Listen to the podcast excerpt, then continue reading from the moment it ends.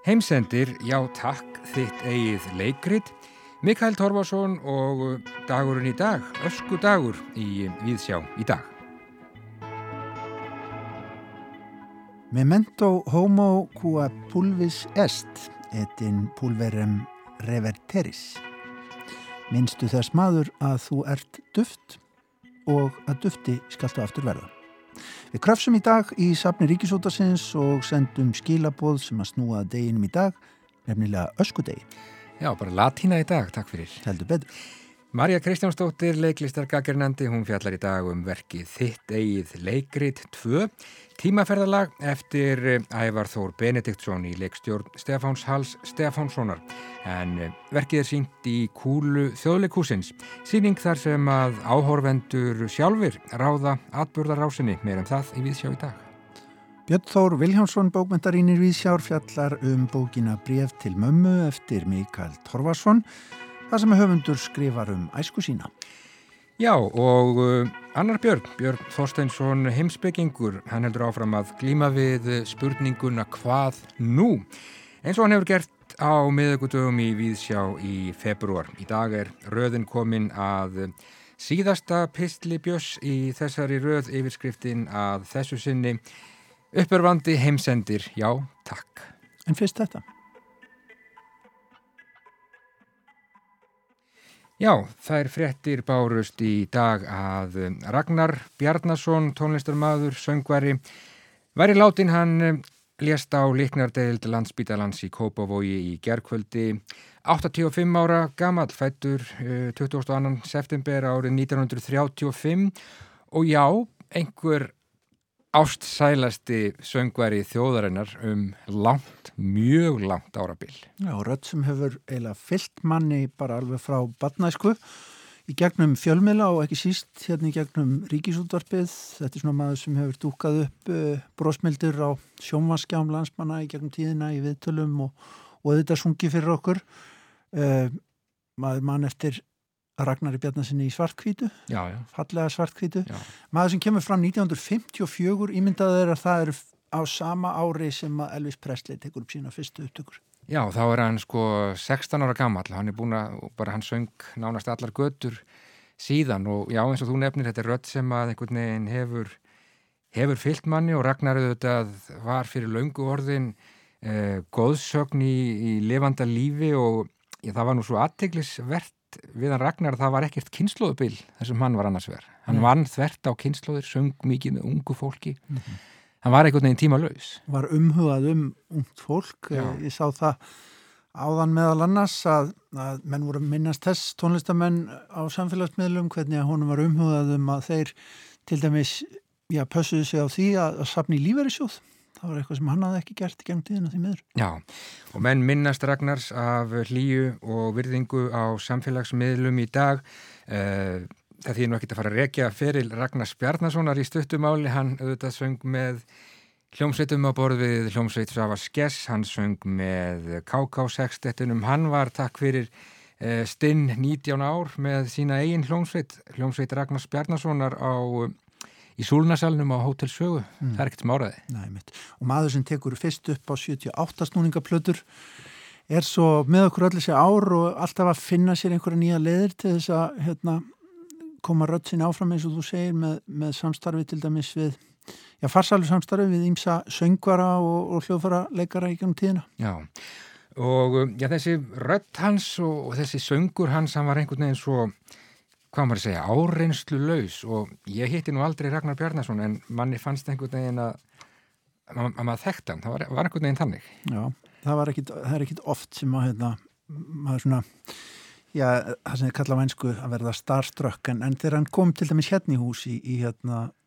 ríkisútdarpinu þá tók maður eftir þessu þessari góðsögn Já Og hvaðan var gladlindur og þetta, já, fallega, kæruleysislega yfirbræð sem að, sem að fyldi honum alltaf. Já, sem myndan aldrei textana heldur. Nei. Saðan sjálfur. Sem er doldið sjármerandi og flott. En já, hann var sannlega einhver ástsælasti söngvari þjóðarinnar og dáður af ungu fólki og dáður af um, eldra fólki. Maður er alveg upp við, Ragnar Bjarnason. Já, og við, við þökkum fyrir. Við ætlum hins vegar kannski að já, taka aðeins betur saman eitthvað efni úr, úr safn Ríkisútasins og heyra, heyra rattir um, og já, fólk sem að þekki Ragnar tala um hann á morgun hjá okkur. Já, við ætlum að minnast hans hér í Víðsjá á morgun og það má benda á það að Rödd Ragnars hún mun hljóma í lestinni hér á eftir en meira frá okkur um Ragnar Bjarnason á morgun. Við segjum bara takk fyrir okkur og blessu sér minning Ragnars Bjarnasonar. Já, veljum eitt lag sem er eiginlega fullkomið um þetta leiti ás.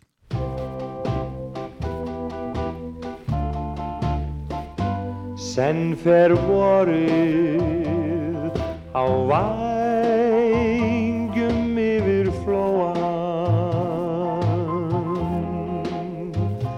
Vaknar allt af vetrar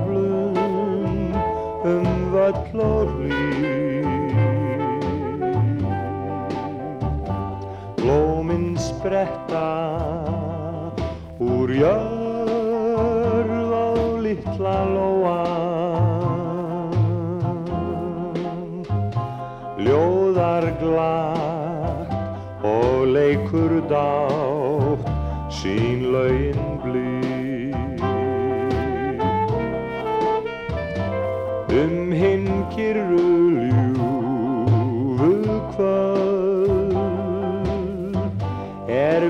kvíslað létt í skó.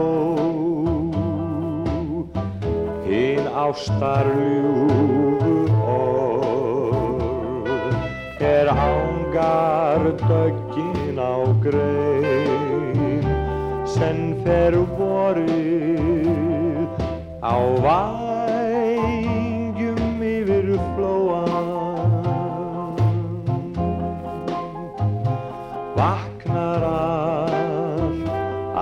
af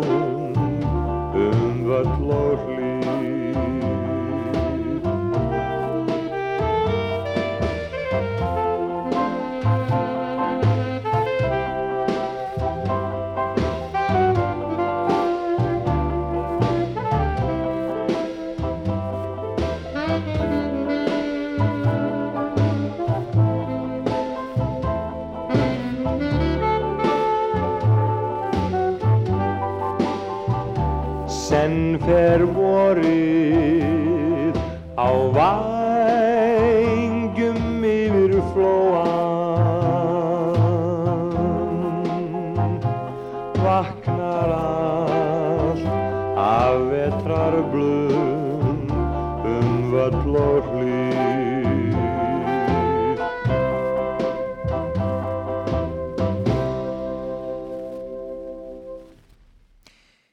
Bjarnason söng lægið vor við Flóan. Þetta er svona eitt af einkennis lögum Ragnars, held ég að maður geti sagt, Guðni, þú valdir þetta nú?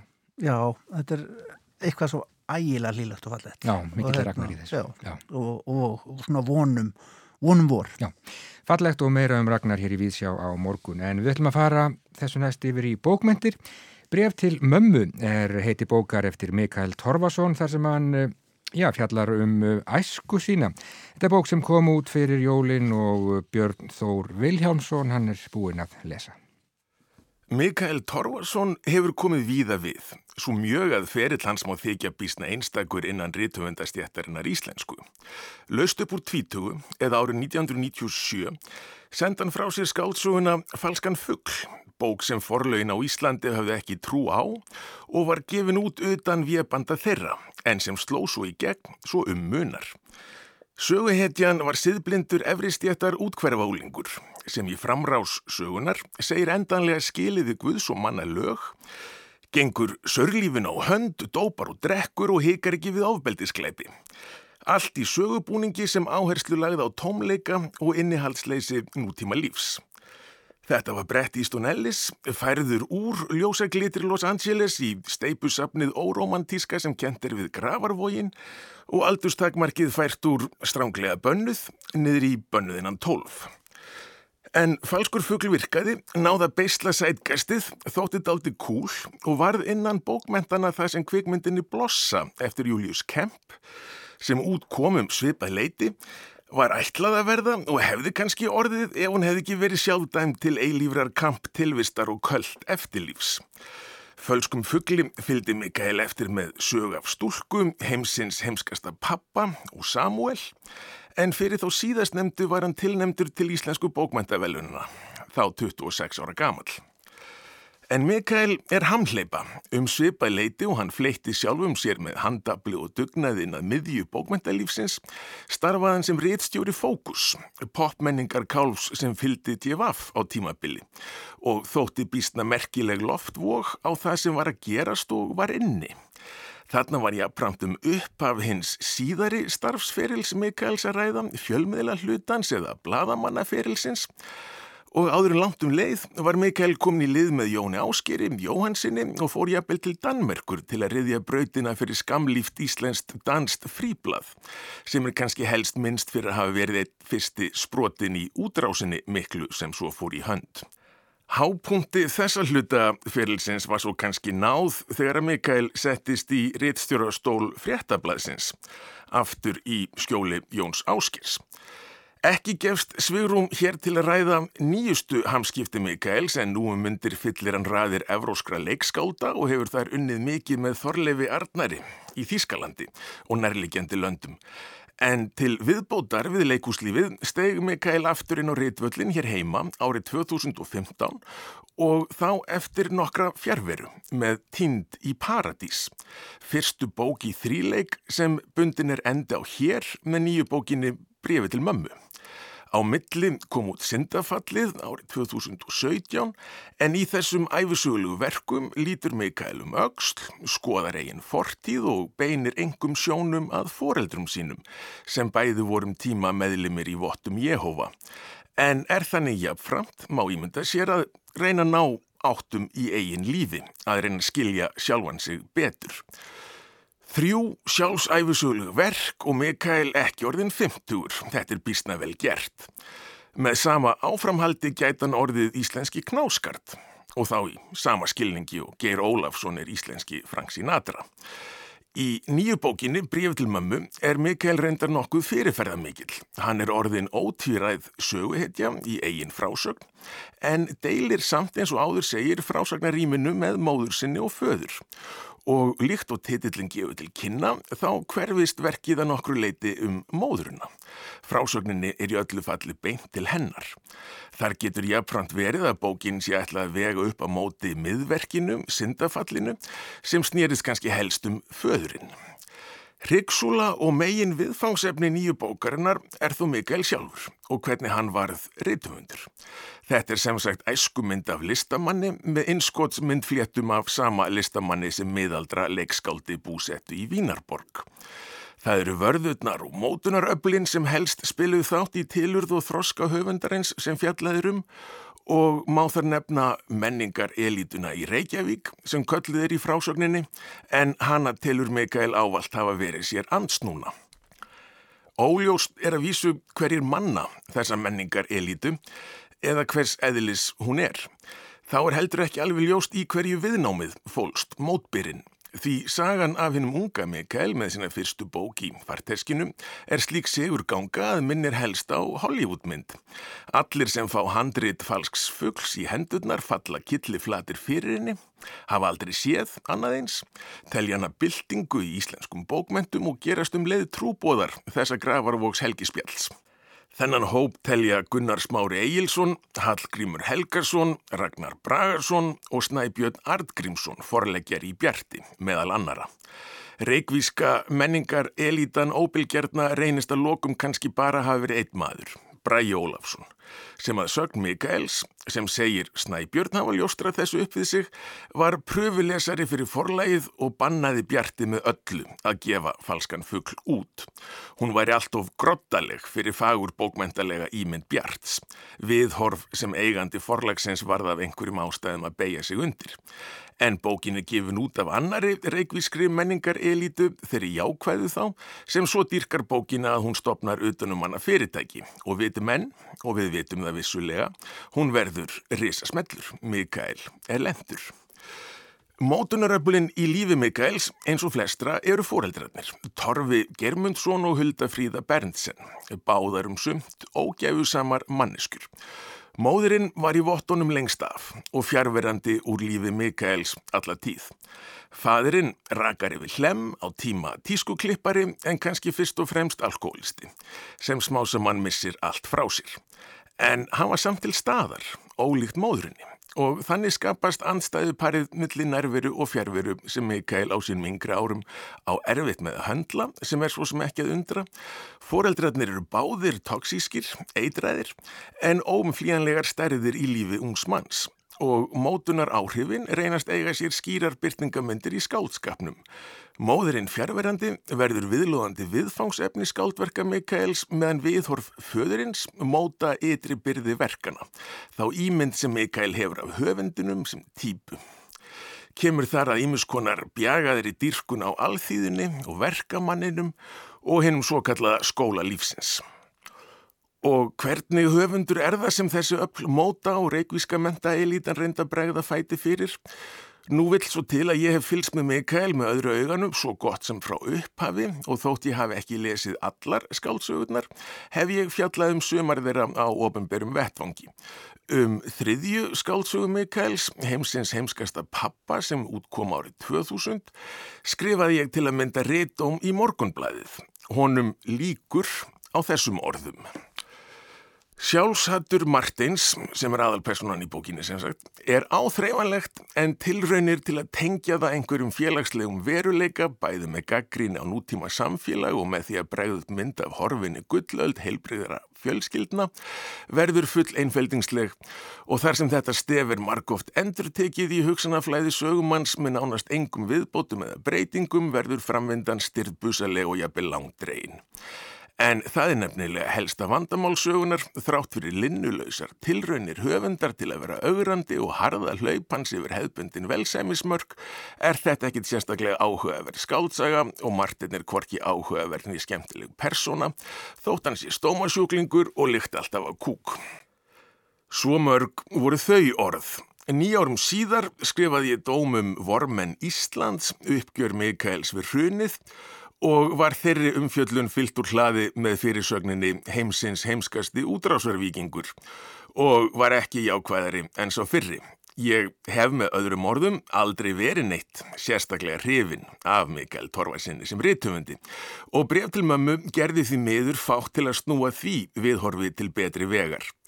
Það er kannski út af fyrir sig ekki bó höfund komið að sem prentgripurs í bókinu uppfull af prentvillum og málvillum, yfirferð próarkalesar á að reynsa slíkt í burtu, en það hversu grund sjálfskoðunin nær, sem og hvernig stóðirna tvær, sem mikilvægastar reynast frásögninni, eru klísjur og væmni, það má skrifa á hans reikning.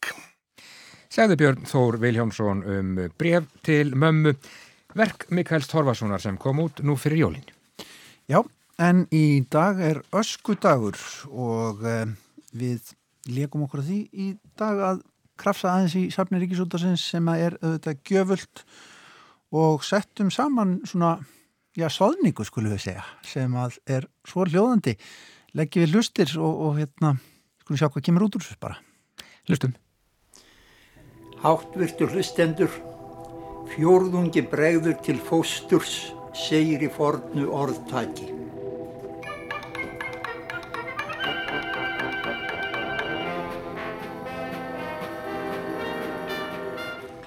Um tíðni töguviklunar hjá börnum ber rannsóknum illa saman.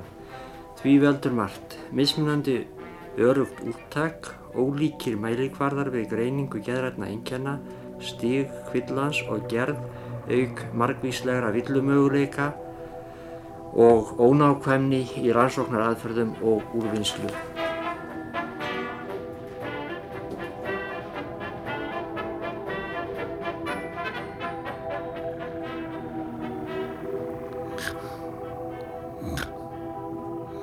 Og hér er einn gríðarlega mikill opn. Kiki kaldur, Já, kiki kaldur, er nú ekki heitt að standa við opnin? Jú, það er frekar svona. kiki svaka kaldur. Ei, mikið jói. Með þetta. I had to like open the bruise up and let some of the bruised blood come out to show them. Já, kiki ekki hrættur, kiki ekki hrættur, nei, nei, kiki.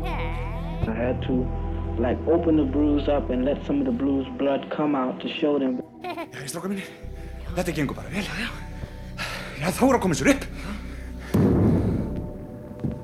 Ó, þar var springingin.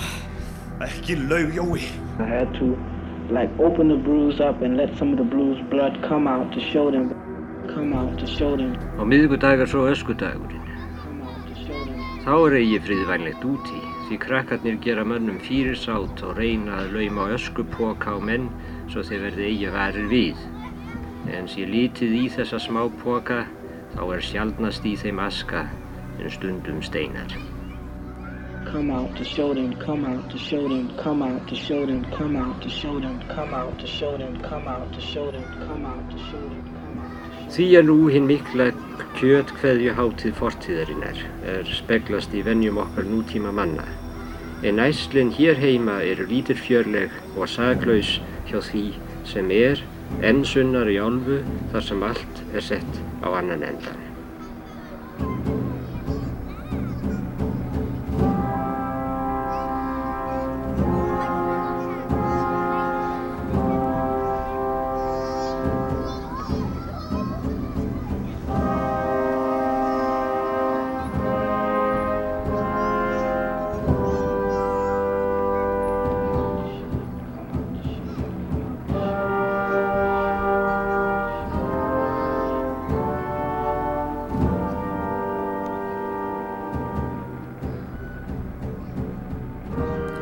Erfiðleikarnir eiga sér oft félagslegar orsakir innan þjóðfélagsins, heimilis, skóla og í uppeldisháttum og margvíslegum menningarlegum og persónulegum aðstæðum.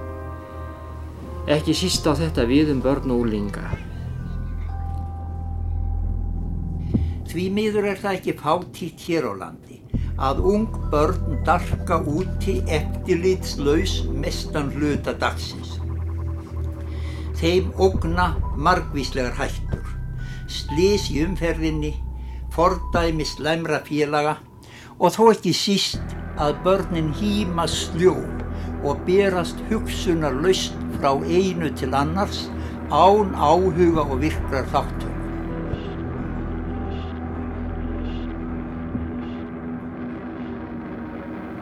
Áður fyrrum var öskudagurinn ekki með þeim góðláttlega gleðiblæ sem hann hefur nú, þar sem er almennu frídagur í skólum. Snjallræði. Hafði ekki svona hátt. Heitið öskudagur er fornt mjög. Það er kirkjan sem lagði málinu til þetta heiti. Á kirkjulatínu nefnist dagurinn Díez Sýneris sem útlegst öskudagur. Sjáu þenni feita kallan. Hann er alltaf að brosa til okkar. Æ, ekki líst mér á hann. Það getur enginn gert sig svona feitan. Getur þetta ekki verið einn af bófunum?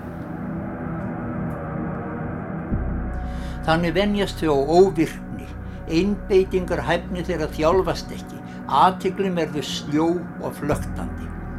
Allt þetta er til þess fallin að hamla framför greindarinnar, erfiðleika barna í skólanámi, má oft rekja til slíkra aðstæðna.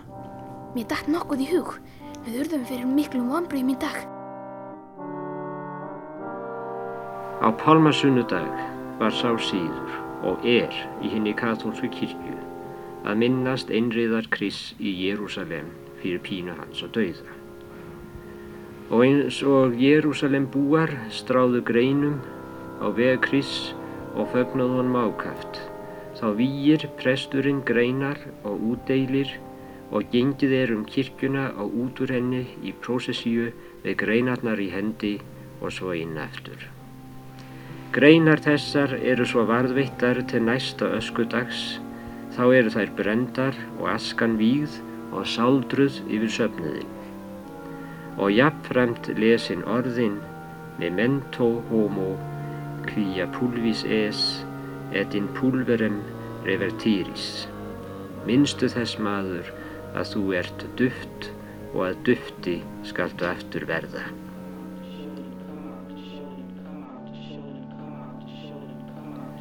Úr þessum síð verður svo leikur barna sem að vísu er ekki stjerkennilegur fyrir okkur þar sem að þekkist og í dönskum sveitum á Jótlandi þar sem reyndi er að gappa menn til að bera ösku póka.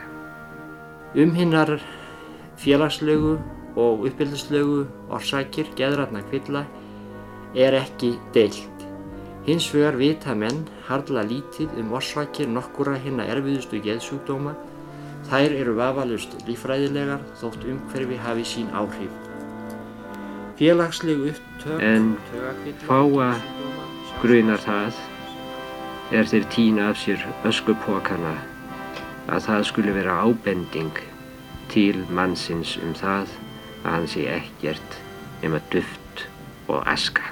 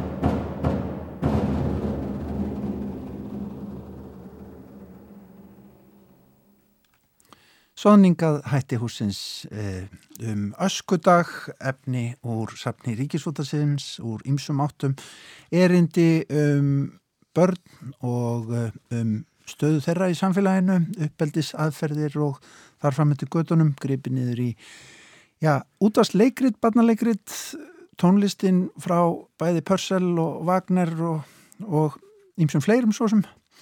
Þetta var svona hætti húsins í tilmni öskudags. Já, svona potpourri, mjög fínt. En við ætlum að fara þessu næst yfir í leikhús. Marja Kristjánsdóttir, leikhús gaggrinandi, fjallar í dag um verkið þitt eigið leikrit 2 tíma ferðalag eftir Ævar Þór Benediktsson í leikstjórn Stefáns Hals Stefánssonar en verkið er sínt í kúlu þjóðleikhúsins. Við skulum gefa Marju orðið. Þjóðleikúsið hefur lagt tæknilega metnað í síninguna á þitt eigi leikrit tímaferðalag eftir Ævar Þór Bendisson sem nú er sínt í kúlunni. Helstu tæknilegu veikleikar fyrir síningarinnar þitt eigi leikrit Góðsaga sem sínd var í fyrra eru hornir. Hermanni Karli Bjössinni sem sér um tæknilausnir hefur tekist að gera sambandi millir áhorfenda og leikara lipurlega gagvirt og ævar þó sjálfur byggir verkið upp þannig að síningin bregst nú ákveðið og sínilega við skipinum áhorfenda öfugt við áður. Þá er verðt að tásta því hvernig með ljósum Magnúsar Arnar Sigurðarssonar og tónum önnu haldástóttur, okkur áhörfundum er skrúfað inn í tímavél og hver leikmynd högnað Sigþórssonar með myndbandi ástu Jóninu Arnarsdóttur vikar og stekkar fallega heim leiksvísins og þjónar verkinu vel. Það sama má segja um búninga og gerfi. Ævar Þór tekur að þessu sinni efniðinu mun alvarlegri púli hæðinu náður. Verkið segir frá maðgunum Önnu Hönnudóttir sem Lára Jóhanna Jónsdóttir leikur og Nönnu Hönnudóttir sem Ebba Katrín Finnsdóttir leikur. En Nanna likur fyrir dauðanum á sjúkrahúsi þegar dóttir hennar fær senda frá ókunum aðila fjastýringu í posti sem gerir henni kleipt að ferðast og fram og aftur um tíman á samt róbótnum hjálparmanninum Ratar, leiknum af Hilmir Jensinni og leggja þau þá af stað með hjálpa áhörvenda í leita lækningu fyrir móðurina. Segja má að verkið sín okkur skona þroskasaga ungra stúlku innrömmuð af æfintýri sem móðurinn sagði henni í bensku um sterkar konur. Svo saga verður ekki nægilega skýr í frammyndu síningarinnar og eins og gerir stundum er erfitt að skera úr um hvort það liggi í óþarlega floknu handrítinu eða útfærslu leikstjórans Stefáns Hals Stefánssonar og vinnu leikhópsins. Leikurinn er kraftmikill, lípur og gamansamur allt frá byrjun en þegar líða tekur á og farið er að skapa óta og hrylling sem einni tekst ágætlega geta jáfnvel þulvanir leikúsáhörundur ekki haldið þræði niður fundið út hvað þetta nú alltaf að gera með leitin að lækningu eða stigvaksandi þroska aðalpersonunar. Enda verða sára litla breytingar á personun önnu önnudóttir í gegnum verkið. Líkil stefið í texta er reyndar að allt minni fara eins og fara vilji sem er ekki nokkuð forlaga þrungin afstafa hjá vísindamanninum ævari. Tengsl ævintýrstins og ferðalags önnu eru líka nokkuð óljós þegar salrein er farin að stjórna ferðalaginu með sínum fjárstýringum og vafalust langsótt eða jáfnvel óskiljanleg fyrir yngri börn. Með mér í för var 11 ára töffari og mikil aðdáðandi ævars vísindamanns. Hann fyldist í fyrsta aðteklum við framvindinu og var fljótlega búin að leggja hald á mína fjárstýringu líka svo lutinni gæti gengið rætt fyrir sig. En þar sem hann er töffari, að sagt viðkvæmi töffari, þá fór hann að líða illa eftir hlýja. Ég vil ekki láta bregða mér, sagði hann stundarhátt og þegar út var komið var hann foks yllur yfir því að veri væri að hræðan. Um nóttina dreymd hann svo illa. Sem segir mér að síningin sé freka fyrir börn sem geta gert skýran greinamun á blekkingum leiksviðsins og veruleikanum sem sagt fyrir stálpuð börn, unglinga og börnin í fullornu fólki.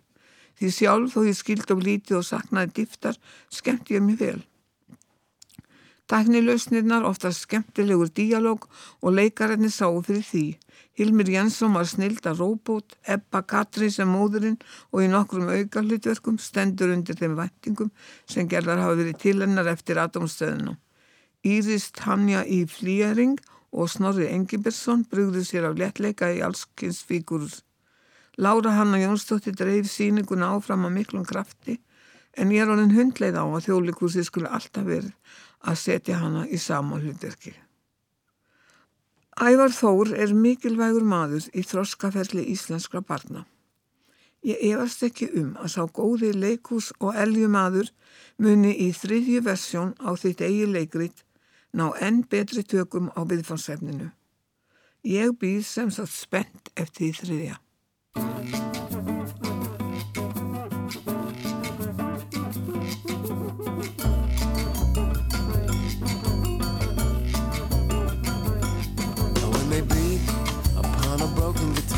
In the streets, they wicked tropical charms, the embassies, lying hideous shards where tourists snore and decay. In a reptile blaze, you wear a mask, an equatorial haze into the past, a colonial maze where there's no more confetti to throw. You wouldn't know what to say to yourself. Love is a poverty you couldn't sell. Misery waits in big hotels to be evicted.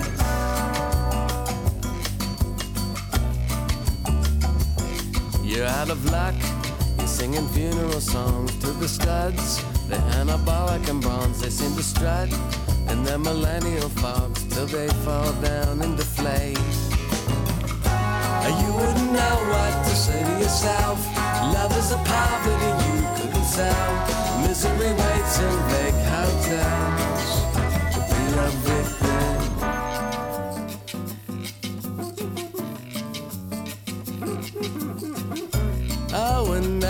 you've had your fun under an air-conditioned sun. It's burned into your eyes, leaves you plain and left behind. I see them rise and fall into the jaws of a past and then love. You wouldn't know what to say to yourself. Love is a poverty you couldn't sell.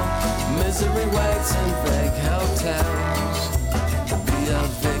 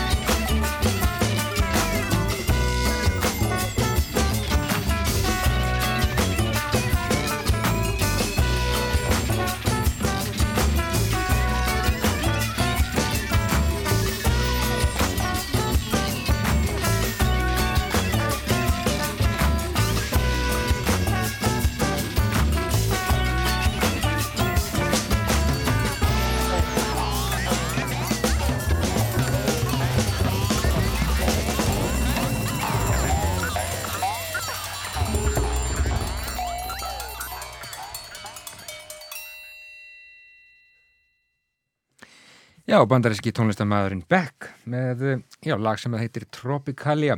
Beck er að fara að halda tónleika í lögadalshöll í uh, sumar, annan júni nánartiltekið og uh, kemur þar fram með ískri hljómsveit sem heitir held ég Tudor Cinema Club. Þetta lag tekið guðni af plötu sem kom út árið 1990 og átta fyrir rúmum 20 árum. Guðminn góður Ég var að vinna í plötubúð þegar þessi blata kom út og hún seldist vel það sumarið held ég. Já, ég hef eiginlega ekki hlustað á Beck í 20 ár.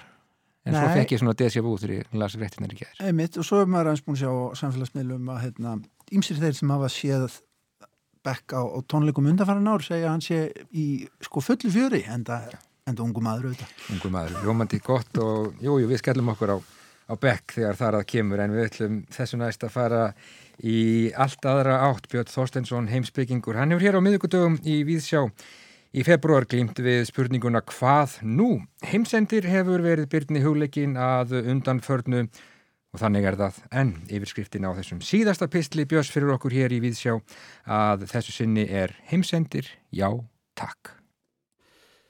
Góði hlustendur, hinsta sinn er ég hinga komin í Víðsjá til að ræða við ykkur undir yfirskriftinni hvað nú. Fyrir mér liggur að loka pistlaröðminni, sigla fleiun í höfn, þessu hrófatildri sem ég hætti mér á, út á höfð mikla haf verðandinnar, framvindunar, heimsögunar, hið mikla útsægi sammeiglegar tilveru okkar hér á jörðu.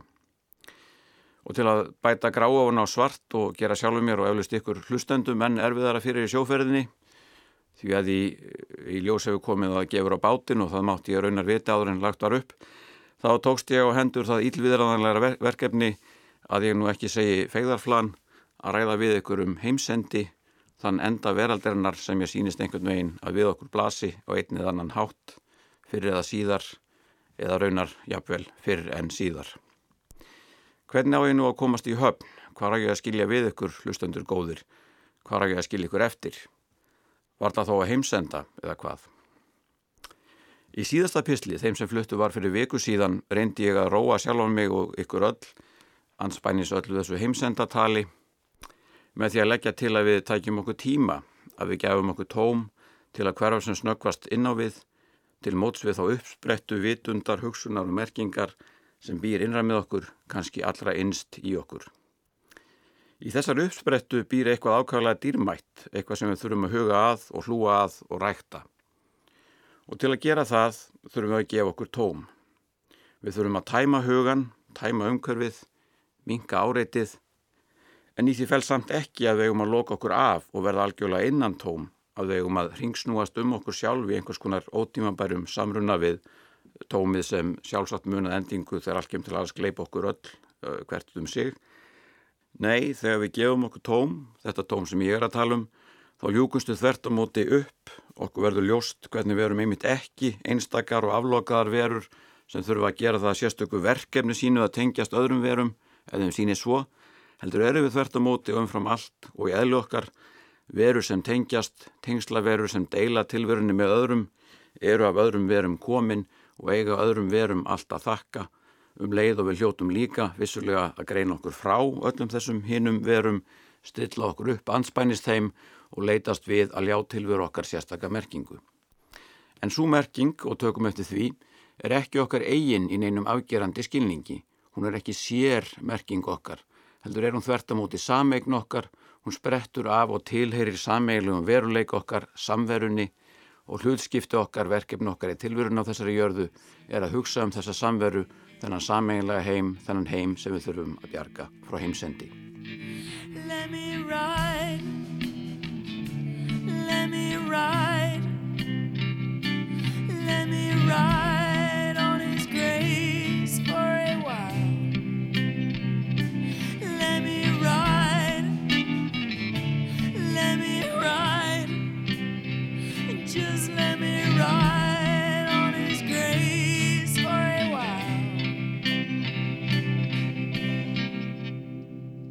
Því sér hver kynnslóð verður að frelsa heiminn með því að skapa hann í sinni mynd. Þannig kemst Jóhannes úr köllum að orði í ljóðabalki sem hann kallaði Óðinn um oss og börnvor og byrtist í bókinni Ný og Nið fyrir 50 árum. Heyrum þetta aftur. Sér hver kynnslóð verður að frelsa heiminn með því að skapa hann í sinni mynd. Að frelsa heiminn, að bjarga honum, getur ekki verið verkefni annar en kynnslóðana sem uppi eru þegar mannvera sem dvelja jörðinni hverju sinni. Og þessar mannverur hljóta að leysa þetta verkefni að frelsa heiminn að bjargonum með því að skapa hann í sinni mynd. Og þetta þurfum við líka að gera við sem uppi erum hér og nú um veröld víða á árinu 2020. En hver er svo mynd, svo mynd okkar sem við eigum að skapa heiminn í? Hvernig eigum við að skapa heiminn? Hvers kynns heim eigum við að skapa? Hvaða mynd af okkur viljum við hafa til margs þegar við sköpum heiminn? En nú aftur verða mikil björg á vegi okkar og ekki fljót séð hvaða leið eigi að fara fram hjá þeim. Eitt af því sem velta má fyrir sér út frá þessum tilvitnuðu og hálfar aldar gömlu orðum skálsins er hvort það megi vera okkur til nokkurar hugarhægðar að við sem nú erum uppi og stöndum anspænist þeim heimsendi sem ég seti kynna okkar daglega amstrimið hugtökum og borðið hamfarahlínum, við erum ekki einu um það að hafa hlotið það verkefni í arf að bjarga heiminum. Fyrir kynnslóðir stóðu frammi fyrir slíku líka, til dæmis í Evrópu að lokinni fyrir heimstyrjöld, nú eða á dögum 30 ára stríðsin sem, sem lagði mið og norður Evrópu að miklu leiti rúst á fyrirluta 17. aldar, að óglemdum hinnum ímsu þjóðum Rómunsku Ameríku eftir grimdarverk og eðileggingu nýlendustöfnunar, dæmin eru mörg, heimsendir hefur áður verið í nánd og kynnslóðunar hafa áður þurft að bjarga heiminum. En hversu langt rekkur svo hugsun, hversu mikil stóð er í henni fyrir okkur þegar allt kemur til alls. Því að sá heimsendir sem við stöndum frammi fyrir í dag og þurfum að takast á við einhvern veginn og það meiri sjá hverjum degi því að eðli hans er slíkt að hann hefur áhrif á smæstu atriði daglegri breytn okkar. Þessi heimsendir virðist einhvern veginn vera af áður óþektir stærðargráðu eða í það minnst að allt öðruvísi vaksinn en fyrir byrtingarmyndir sama fyrirbæris. Hann nær til mannkinsins alls, hvar sem er á nettinum og krefur það þetta mannkinn um svör hvað varðar stöðu þess í heiminum í heilsinni, hvorki meira niður minna. Hann spyr að því hvað mannkinnið mun reynast hafa verið þegar upp er staðið. Mun það kom í ljós að mannkinnið var ekkert annað en sníkjudýr á jörðinni, skaraðis pest sem hvarvekju sögunni fyrir hún hafði valdið öðrum lífverum á plánetunni allri ómældum hörmungum. Þessi spurning hefur leitað á okkur mörg og undanföllnum árum og áratugum og jafnvel orðið ímsum umhverfis hugsuðum að leiðaljósi Grunnhugmyndin sem henni fylgir má kannski heita skiljarleg freysting, minnst okkosti fyrir þau okkar sem gerir sér sæmilega góða grein fyrir áhrifunum af henni gríðalögu fyrirferð mannvörun á jarðarkringlunni.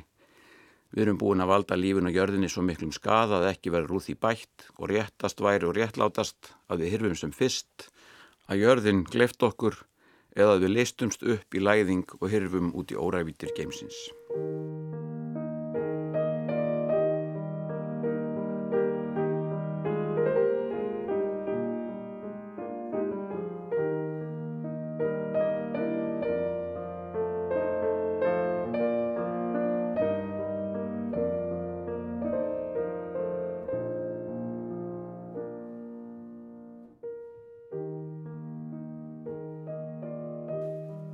Þar höfum við það hlustandur góðir. Eigum við að leggja árar í bát, leggja upp laupana, leggjast á jörðina með krosslagar hendur og gefa upp öndina. Það er, já eins og ég sagði, freistandi. En ég ætla að reyna eitthvað annað, ég ætla að reyna þetta hér og hlustiði nú. Bandaríski bókmyndafræðingurinn Fredrik Jameson let frá sér fara fyrir nokkrum áratögum staðhæfingu sem komist hefur í fullmikið hámæli og er kannski orðin einhvers konar klísju en í henn er þó fólkin ákveðin sannleiksbrottur sem er langar að huga að. Hver eru þessi flegu orð Jamesons? Við eigum hægara um vik að sjá fyrir okkur að heimurinn líðundi lok heldur hann að kapitalismin gerir það. Heimsendir eru okkur nærtækari en endal á kapitalismans. Með öðrum orðum virðist okkur útilokað annað, okkur virðist ómögulegt að sjá fyrir okkur annað en að kapitalismin verði með okkur allt til enda veraldarinnar. Að fyrir muni heimurinn líðundi lok en kapitalismin segir skilið við okkur. Að kapitalismin muni fylgja okkur í gröfina, fram að brúninni, fram í rauðan döðan. Þegar aðegáð er þessi hugmynd sem kenna Mávið Jameson þótt að ég myndi hún halda að óvist sé að hann er ánaði með þá upphefð, hún er af sama tóg á áðurnemd freysting að afskrifa mannkinnið sem sníkjudýr sem jörðin þarf að losa sig við hið fyrsta. Báða þessar hugmyndir bjóð okkur að láta hugfallast, að láta hendurnar falla niður með síðum, að setjast með hendur í skauti og láta framvindusögunar hafa sin gang án afskipta okkar. Og ég sagðist vel ég eitthvað annað, ætla að reyna eitthvað annað. Hvað er það? Kanski þetta, þegar spurt er í anda Jamesons hvort viljiðið heimsendi eða endalók kapitalismans þá leggja til að við svörum játakk. Játakk því annað útilokkar ekki hitt og við viljum hvort tveggja. Við viljum þann heimsendi sem líka mun fjöla í sér endalók kapitalismans Þann heimsendi sem satt að segja er algjörlega óumflíjanlegur ef við ætlum að bjarga heiminum með því að skapa nýjan heim, ef við ætlum að gera það sem gera þarf, það sem fyrri og síðari kynnslóðir ætlast til af okkur. Og við vitum mæta vel hvað í þessum heimsendi og þessum nýja heimi fælst. Þekkinguna skortir okkur ekki ég heldur hugmyndirnar, útvæslutnar, verkværin og síst af öllu skortir okkur mannablan því við erum öll að gera okkur grein fyrir þessu, við erum komin langt með að leysa gátuna og koma auga á lausnina og svarið er hjá okkur sjálfum. Það erum við sem þurfum að sigrast á ójöfnuðunum, koma á félagslegu réttlæti, hveða niður falsbámenn og líðskurumara, sigrast á óta öryggi gagvartinu óþekta og öðru fólki, sækja internetið í greipar eftirliðskapitalistana og breyta því í sannkallað líðnet, ebla líðræðið og dreifa valdinu, sigrast á hundalóking fjármaksins og láta þjóðskipulaði þjóna fólkinu og raunar öllu sem lifir og þrýfst og er á jörðinni. Og vel á minnst í því fælst að við þurfum að endurgelda skuld okkar við jörðina, hjálpa henn að ná sér eftir illa meðferð síðustu árategu alda, endur heimta jarðvegin, gróskuna, fjölbreytnina, þið náttúrulega jafnvegi. Þetta er hlutskipt okkar, hlustendur góðir og ég segi ykkur í trúnaði að þetta er einstakt tækifæri sem ekki mun bjóðast aftur og við erum lánsum að vera þess aðnjótandi þessa tækifæris sem er hinn eina sanna miðnættusprengja, kringlukast, megavika, Black Friday, hvað sem þið viljið kalla það, fyrir kynsluðu letu sig dreyma um að breyta heiminum. Þau langaði til að breyta heiminum til eins betra en við verðum að gera það. Með þetta í huga, með þennan heimsendi sem einnig er upp að finnst nýja og betra í huga, getur við því sagt að lokum og þannig líkur þessari pistlaröð, heimsendir, kom þú sæl þá þú vilt.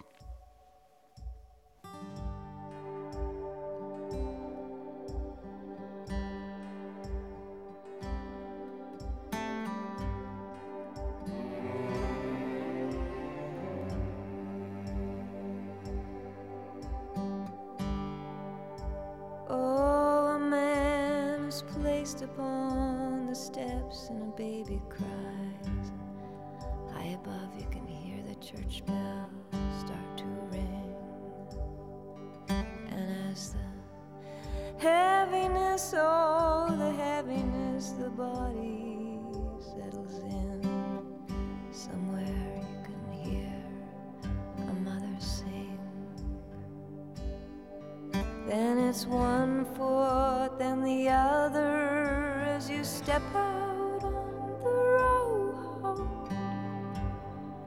Step out on the road. How much weight? How much?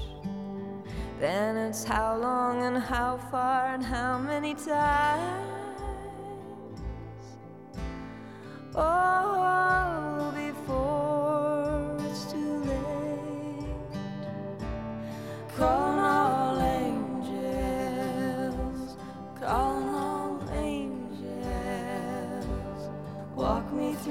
this one.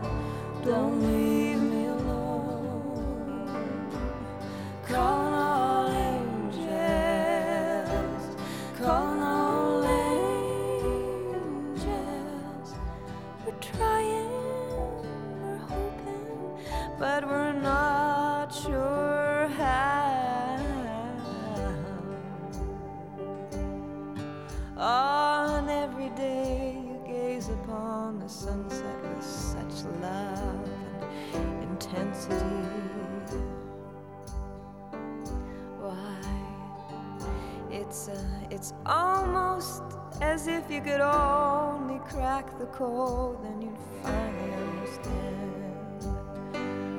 on me.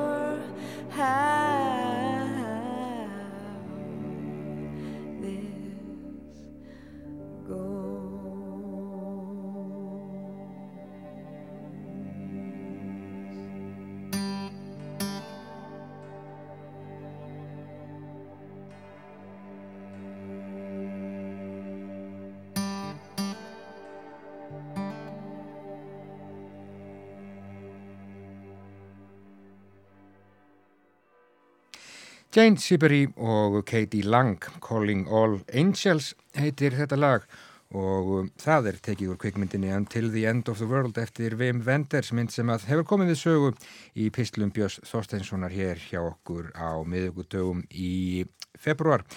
Heimsendir kom þú sæl þá þú vilt, sagði Björn í hörkustuði, þetta var síðasti pistill Björns í þessari pistlaröð.